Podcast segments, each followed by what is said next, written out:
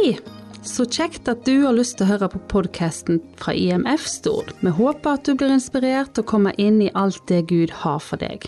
Vi ber om at han må møte deg gjennom denne talen. Da vil jeg ønske deg ei velsigna lytting. Går det greit? Spør om det samme andre veien. Går det greit? Vi kan svare litt seinere. Eh, hvorfor lovsang? Har, eh, dette er ikke et tema jeg har eh, valgt sjøl, men jeg fikk spørsmål om å, å si noe om det. Og det var jo greit, da, for det er noe jeg er opptatt av. Så det, det skulle gå fint, tenkte jeg.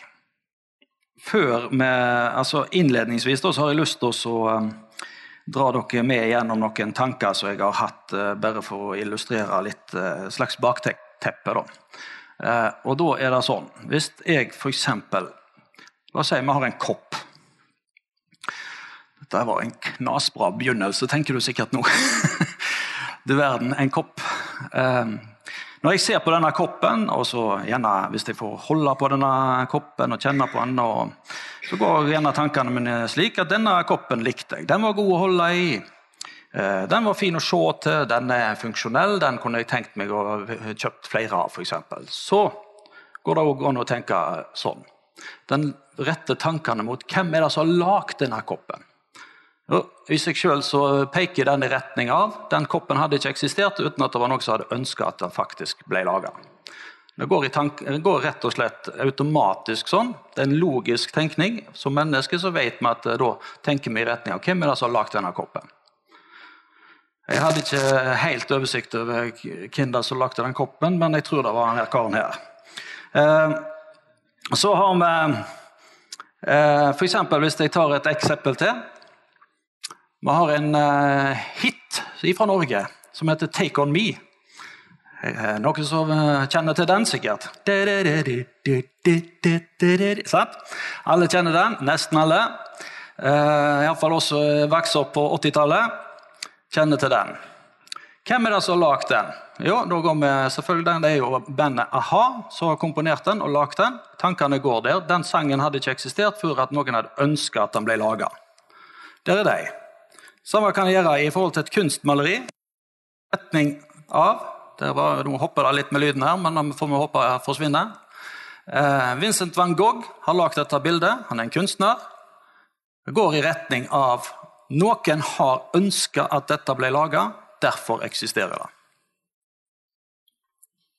Poenget mitt med disse tre eksemplene er at eh, produkt, disse produktene kaster i seg sjøl bare ved sin eksistens glans over en opphavsmann. Noen som har ønska det, at det ble laga. Er vi enige om det? Ja. For et menneske så er det på et litt annet nivå. Det fins nemlig to nivå,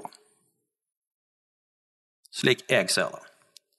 For vi mennesker vi er skapt i Guds bilde. Og vi er gitt en fri vilje. Så i oss sjøl så, så, kaster vi glans over Gud fordi vi eksisterer. Da er det første nivået. Det andre nivået er at vi kan òg med vår munn velge om vi vil ære og gi Gud ære. Da er det andre nivået. Sant? Første nivået er alt som eksisterer, kaster, glans, kaster i seg sjøl glans over sin skaper eller sin opphavsmann. Andre nivå, mennesket skapt i Guds bilde, kan velge om vi i tillegg vil gi skaperen ære. Vi kan si det sånn Gud har skapt produsenten og designeren av koppen. Han har skapt bandmedlemmene i a-ha og gitt dem evnen til å lage flott musikk. Han har skapt Vincent van Gogh og gitt han evne til å kreere flott kunst.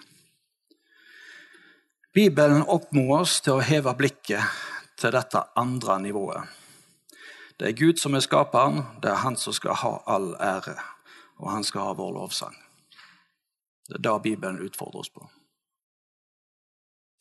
I Bibelen så står det veldig mye om lovsang. og Vi har en helt egen sangbok i Bibelen til meg, som heter Salmene. Det er ikke mye noter å finne der, men vi har tekstene iallfall. Og melodiene Det er mange som har hatt det som inspirasjonskilde til å lage nye melodier rett ut ifra de tekstene som er der. Tenker jeg. Se her. Rop av fryd for Herren, dere rettferdige. Syng for ham en ny sang. Spill vakkert og rop av glede. Ha din lyst og glede i Herren, så gir Han deg det ditt hjerte ønsker. Gled dere i Herren. Bryt ut i jubel, dere rettferdige. Alle oppriktige, rop av fryd. Gled dere i Herren, dere rettferdige, og lovsyng Hans hellige navn. Se på disse formuleringene. Jeg eh, må si at akkurat dette her, eh, som jeg begynte på nå Jeg henta mye inspirasjon fra en eh, voksen ungdom på litt over 70 år som heter John Piper. Han har fantastisk mye fin forkynnelse som du kan finne på YouTube om dette temaet. her. Han forkynner sterkt om akkurat dette. Når du ser på disse versene her, og disse sitatene her, så er det ikke, det er ikke et vitnesbyrd, hvis vi kan begynne å definere hva type tekst er dette. Det er ikke et vitnesbyrd. Det er heller ikke et løfte. Det er heller ikke noen bønner. Men hva er det for noe? Jo, det er faktisk formulert som kommandoer. Ser dere det? Det er ikke et spørsmål om vi har lyst. Rop av fryd for Herren. Det er formulert som kommandoer. Det er beskjeder til oss. Gjør dette.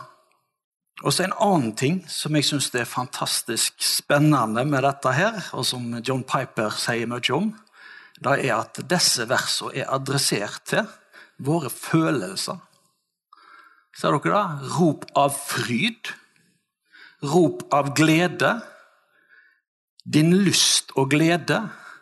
Gled dere, bryt ut i jubel, rop av fryd. Lovsyng Hans hellige navn. Vi er skapt i Guds bilde, som vi hørte det til å begynne med. Vi er skapt som frie mennesker med en fri vilje. Fordi Gud ønsker det sånn. Det er viktig å huske på. Gud ønsker vi skulle ha den frie viljen. Vi liker ikke, tenker vi. Vi liker ikke å bli kommandert. Gjør vi det? Vi liker ikke det. Så da er spørsmålet, hvis dette ordet her, Bibelen, er gitt til oss fra Gud, noe med de aller, aller fleste kristne tror, så hvorfor inneholder det formuleringer som er så sterke som dette? Hva ønsker Gud å si oss om det? Og jeg tror at vi finner noe av svaret i den første salmen i sangboka, salme 1. Her ser vi følelsene i sving her. Hvorfor?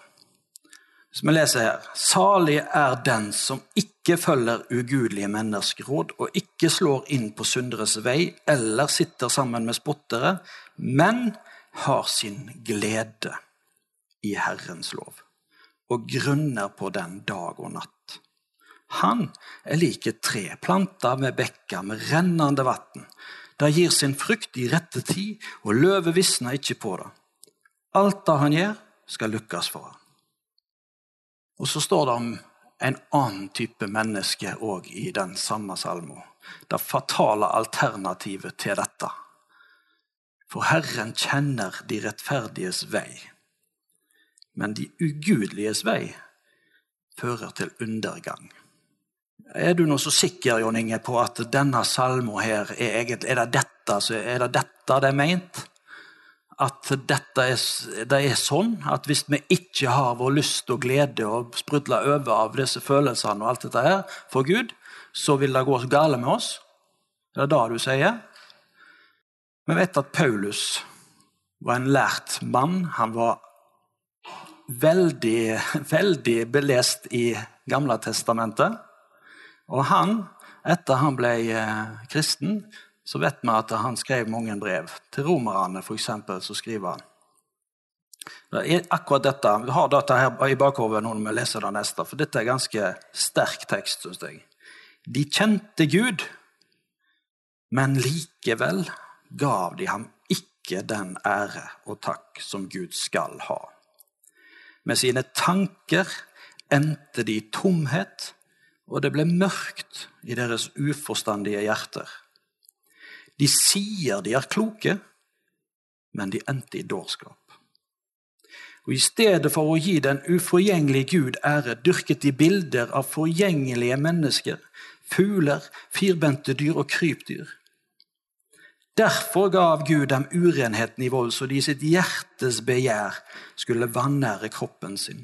For de har byttet ut Guds sannhet med løgn og æret og dyrket det skapte istedenfor Skaperen, Han som er priset i evighet. Amen. Derfor er det så viktig at det faktisk krever et sånn tydelig språk som kommandoer. For dette er så viktig for Gud at vi griper dette, at det ikke skal gå sånn med oss som vi leste om disse nå. Så viktig er dette med lovsangen. Så viktig er dette forholdet, for lovsangen handler om hjerteforholdet. Hjerteforholdet til Gud er så viktig, og han ønsker ikke bare litt av oss, men han ønsker hele følelsesspekteret som han har lagt ned i oss, han har lagt det ned i oss, for han vil vi skal ha det. Men han har skapt det for å ha det i en relasjon til seg. Men jeg klarer jo ikke dette. Jeg kan jo ikke kommandere, kommandere følelsene mine. Det er vanskelig å synge lovsanger når det stormer i livet. Jeg får ikke til å delta i lovsangen når det meste i livet mitt vitner mer om helvete enn det vitner om himmel. Da er det vanskelig. Da tenker jeg at det er viktig å se på de vitnesbyrdene og historiene Bibelen har gitt oss, som jeg òg tror er en hensikt for at vi skal lære noe om hvordan mennesker som oss For vi er nok ikke de første som strever med akkurat det. Det er sånn for mange, mange av oss at dette blir brytninger i oss, fordi vi får ikke følelsene til å stemme overens med det som vi føler Bibelen sier vi burde. Sant? Vi kjenner alle på det. Men Da tenker jeg det er viktig å se på de vitnesbyrdene som vi kan lese om i Bibelen. I Salme 77 så kan vi ja, Først da ser vi her byttet ut. sant? Vi har gjort dette her med. Det er dette vi har gjort. Det er så lett å gjøre dette. Og så kjenner vi på våre menneskelige behov for dette. Men leser vi om lovsangslederen Asaf. Og det er ikke hvem som helst, folkens. Vi vet at David, etter at eh, denne pakten kista, paktskista med steintavlene, den forsvant den under krigføring. Og så fant David denne igjen, og så skulle han bringe den opp til Jerusalem igjen. Sant? Dette kjenner vi, Mange av oss kjenner til denne historien. Og så står det at han, etter den, etter den kom tilbake til Jerusalem, så valgte han ut noen personer som skulle lede lovsangen framfor paktskista. Det var Asaf, en av de lovsangslederne. Mange mange år etterpå så har Asaf, Asaf det tøft. Og Vi leser i Salme 77. Jeg roper høyt til Gud, jeg roper til Gud, og han hører meg. I trengselstider søker jeg til Herren. Om natta strekker jeg ut min hånd, og den blir ikke trøtt. Min sjel lar seg ikke trøste. Jeg tenker på Gud og sukker, jeg grubler og kjenner meg kraftløs. Hele natta holder du meg våken. Jeg er så urolig at jeg kan ikke tale. Han skriver at han er så urolig at han finner ikke ord for sin smerte. Han har det helt grusomt. Men likevel kan vi seinere i samme salme se hvordan han gjør det. Han, for første Allerede så ser vi at han går til Gud med det. Han velger fortsatt å gå til Gud med det. Men så ser vi videre her, noen vers lenger ned. Jeg minnes Herrens gjerninger. minnes de under du gjorde. Jeg tenker på hver dåd du gjorde, og grunner på dine storverk. Gud, i hellighet går du fram. Hvor er en Gud så stor som Herren? Du er den som gjør under. Blant folkene har du vist din kraft. Da minnes han, da tenker han tilbake. og passer på. Jeg må ikke glemme at det aldri det har ikke vært sånn som dette alltid. Og jeg kan fortsatt gå til Gud med min lovsang for det han gjorde før, på tross av hvordan jeg har det nå. Vi vet òg om Paulus og Silas, som satt i fengsel på grunn av si tru. Og det er interessant. Av at de trodde på Gud og forkynte evangeliet, av Jesus, så satt de i fengsel. Hvis jeg havna i et eller annet drit pga. noen, så er jeg fort å legge skylda på og plassere det vekk fra meg sjøl og sette skylda der. De gjør ikke det. De velger lovsangen til tross for innerst i fangehullet, antageligvis bolta fast. Der velger de lovsangen. Og det er et valg. Det er ingenting i deres omstendigheter som skulle tilsi at følelsene skulle være med. Skjønner dere? Det er absolutt ingenting. Men de velger lovsangen fordi Gud fortjener. Og der inne i fengselet så blir lovsangen en redning. For hva skjer i lovsangen? Lovsangen, Mens de lovsynger, så kommer jordskjelvet som gjør at lenkene brytes og portene åpnes. Det fører til at de var, de var bondene og var i fengsel, men blir frie. Og fangevokteren blir frelst som en følge av at noen velger lovsangen. Det fins en kraft i lovsangen dersom den blir sunget og valgt på bakgrunn av at, hvem Gud er. Det fins mange historier i Bibelen om mektige eh, manifestasjoner av Gud når folk samler seg og lovsynger. Vi kan lese òg om kong Josjafat i Gamle testamentet. Han står overfor en stor, stor hær, og han leder en liten hær sammenlignet med fiendens. Han blir helt oppgitt. Der står de. Dere vet hvordan gammel krigføring var. antageligvis. De, de, var i en dal, står det. Antagelig på hver sin side. De har oppdaga hverandre. De kan ikke rømme. De må gjennomføre dette. Det Josjafat gjør, er at han går til sin Gud og spør hva skal jeg gjøre. Og Gud svarer denne kampen er ikke din, den er min. Og så plasserer Josjafat lovsangerne i fremste linja. Vet hvordan de gikk mot hverandre? De gikk i linje mot hverandre. Og der sang de lovsanger mens de går til krig. Og så vinner de krigen, sjøl om fienden var overlegen. Og etterpå står det at den dalen ble kalt for lovprisningsdalen. Og jeg tror det er flere av oss som erfarer en dal for tida. Jeg tror mange her inne kjenner at de er i en dal, billedlig tala.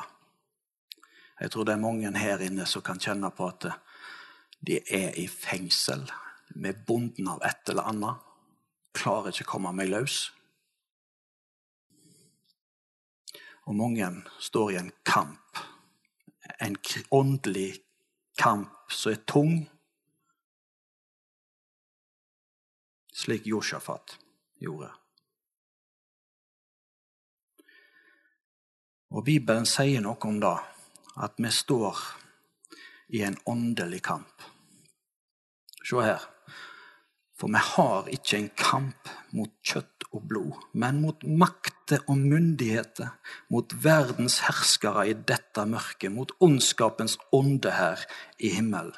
Og Vi kan lese videre der som leser om, om Guds fulle rustning. Verktøy som vi kan bruke for å komme oss å være forberedt på klare å stå i denne kampen. Og Mange ganger opplever jeg at når jeg skal lede lovsang, her eller andre plasser jeg har ledet lovsang, eller der jeg skal forberede meg til en tale, en andakt som jeg skal ha, så opplever jeg at dette manifesterer seg. Mange av dere vet jeg har erfart det samme. Når de skal forberede seg til en tale, en andakt, en lovsangskveld eller hva det måtte være, så skjer det uro. Uka før det er ikke måte på hva som skjer. Så skaper uro og kamp, for det er noe som vil at dette ikke skal gjennomføres. Og dette snakker Bibelen om. Men vi glemmer det, for Vesten har definert ondskap og åndelighet vekk fra virkeligheten. Og Det er fare på ferde med dette folket i Vesten, tror jeg. For vi, vi har plassert alt det åndelige inn i underholdningsbransjen. Vi ser på det på TV-skjermer og underholdes av det, men vi forholder oss til det som eventyr og ikke virkelighet. Men dette er ramme alvor, og det er en virkelighet som Bibelen snakker om. Masse.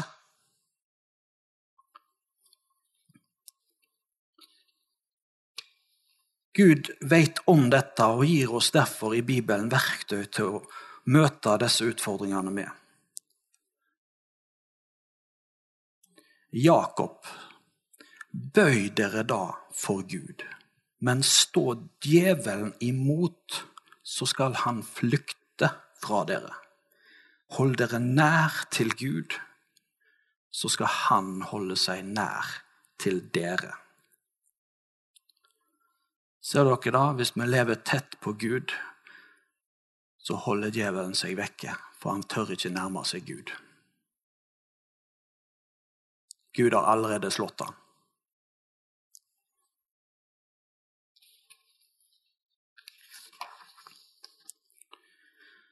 Og Paulus igjen, han var kjempetydelig til romerne. Til filipperne er han òg tydelig. Se her. For øvrig, brødre, gled dere i Herren. Jeg blir ikke trett av å gjenta det, og det er det tryggeste for dere. Hvorfor skulle det være trygt å glede seg i Herren? Blir, dette kan han ikke si mange nok ganger, opplever jeg at han tydeligvis prøver å si her. Jeg blir ikke trøtt av å gjenta dette. Det er så tydelig og så viktig. Hvis dere ikke velger dette, så er det fare på verre. Hold dere nær til Gud. Lev tett på Jesus. Det er den tryggeste for dere. Har dere lyst å glede i Herren, der er det trygt. I salmene kan vi lese om at Gud troner på Israels lovsanger. Da står det at 'Men du er hellig, du som troner over Israels lovsanger. I dette så leser jeg at Gud blir gitt, han blir gitt makt når vi lovsynger. Han troner på lovsangerne. Når vi lovsynger, så gir vi han plassen på trona i våre liv, i hjertet vårt. Og dermed gir vi han òg makt, for det er den som er på trona, som får makt. Det er den som har makt. Men da må vi ha tro på at Gud er god.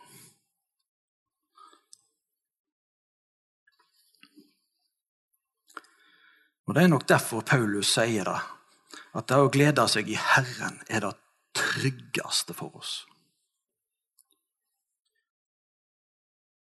Det et, dette kan være et offer.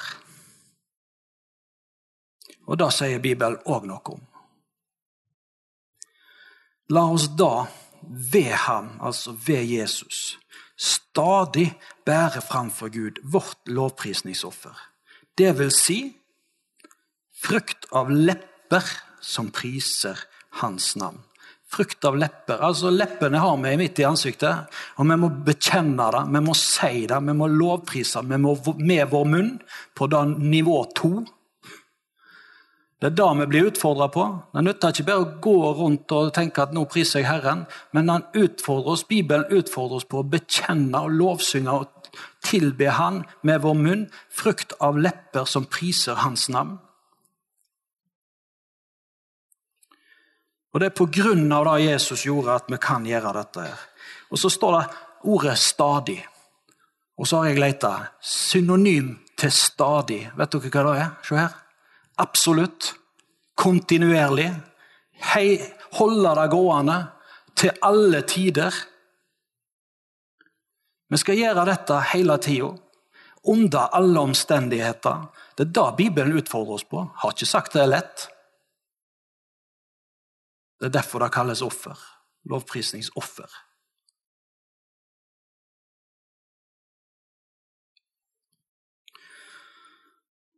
Hvorfor virker det som om at Gud krever dette av oss? Jesus han sier sjøl i Johannes 4,8 at Gud er kjærlighet. Og når Gud er kjærlighet, så er det ikke plass til noe vondt. Hvis dette er Gud, her er Gud. Inni her er det ikke plass til noe vondt, det er ikke plass til noe trist. Det er ikke plass til noe ureint. For Gud er kjærlighet. Da er det ikke rom for noe. Det er ikke blanda med noe da. Da er det kun ren kjærlighet, alt sammen. Det er bare godhet. Når Han har skapt oss i sitt bilde, så er det dette vi er skapt inn i. Men så kom synda. Gjorde at vi ble atskilt. For i seg sjøl så kan ikke Gud, i sin, hvis vi kan bruke menneskelige begrep, i sin natur, så kan ikke Gud, fordi han er kun godhet, så kan han ikke La det være sånn når mennesker har opponert mot ham. Da må han drive det vekk. Da skjer det et, ei kløft. Og så er vi atskilt. Så kommer Jesus og gjør det mulig og tilgjengelig for oss igjen. Derfor står det 'ved Han'. Stadig bære fram lovprisningsoffer. Ved Han.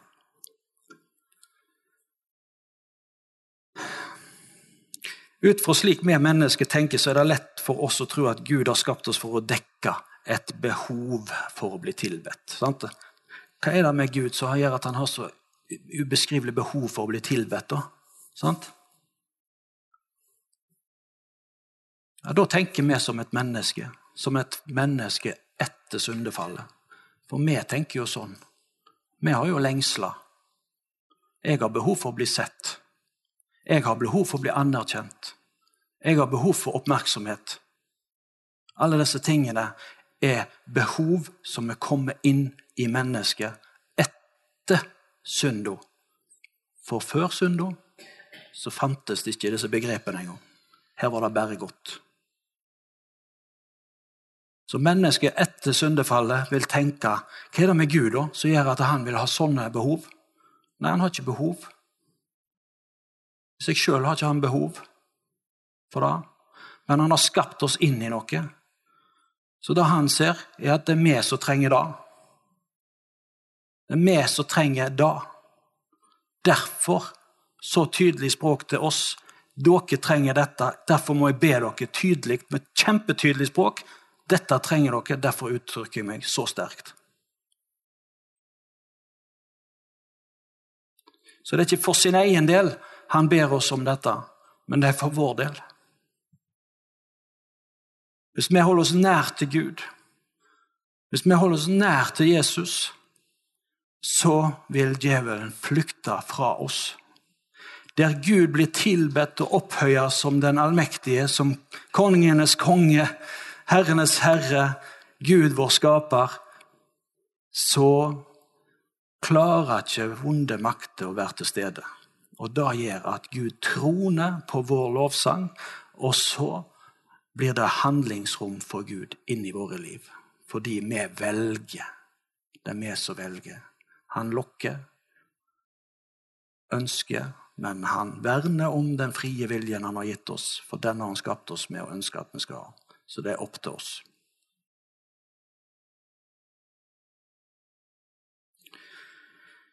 Ettersom dette er en kamp, så gir det kanskje en slags mening at formuleringer noen plasser lyder som kommandoer. Rett og slett fordi det er så viktig. Men for at jeg skal adlyde en kommando, så må jeg være trygg på han som gir kommandoen. Ellers vil jeg ikke, lyde. ellers vil jeg ikke lytte på den kommandoen. Jeg må være kjent med og ha tillit til den som gir kommandoen, for at jeg skal ville følge den.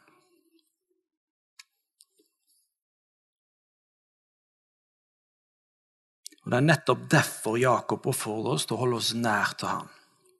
Og Jesus sjøl sier det samme på en litt annen måte. Søk først Guds rike.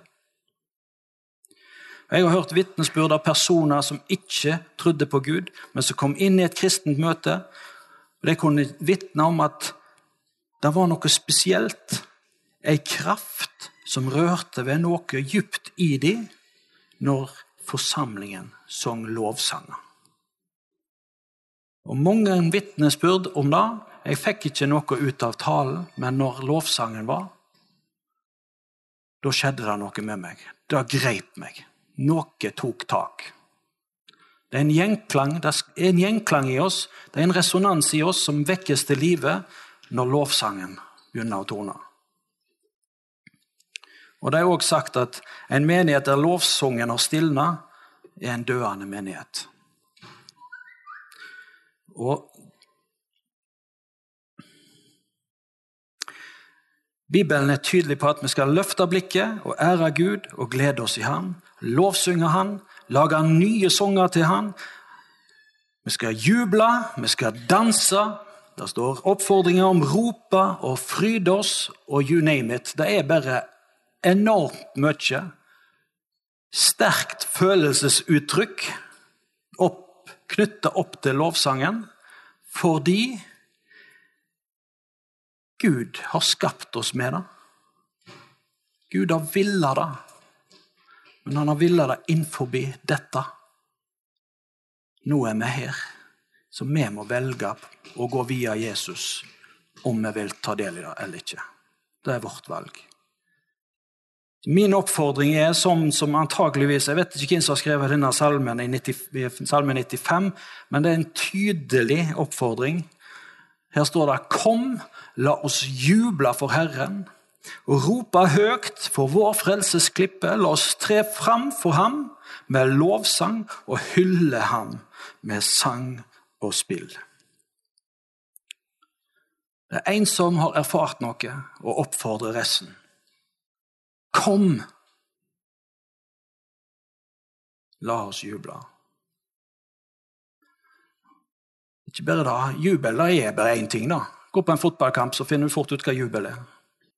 Men det er, det er vanskelig. Ja, det er vanskelig, men vi må, vi må velge om vi vil.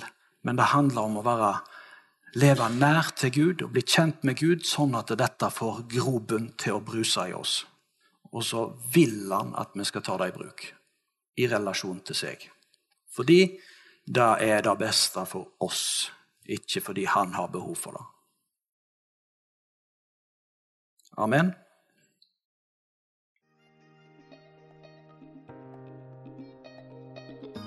Da håper jeg du ble møtt av Gud gjennom denne talen. Husk, han har kun det beste for deg. Vi vil òg benytte muligheten og ønske deg hjertelig velkommen til våre samlinger på Lærvik bedehus.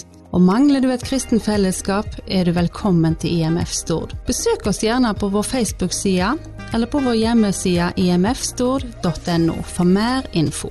Ha en velsigna dag, da, og takk for at du lytta.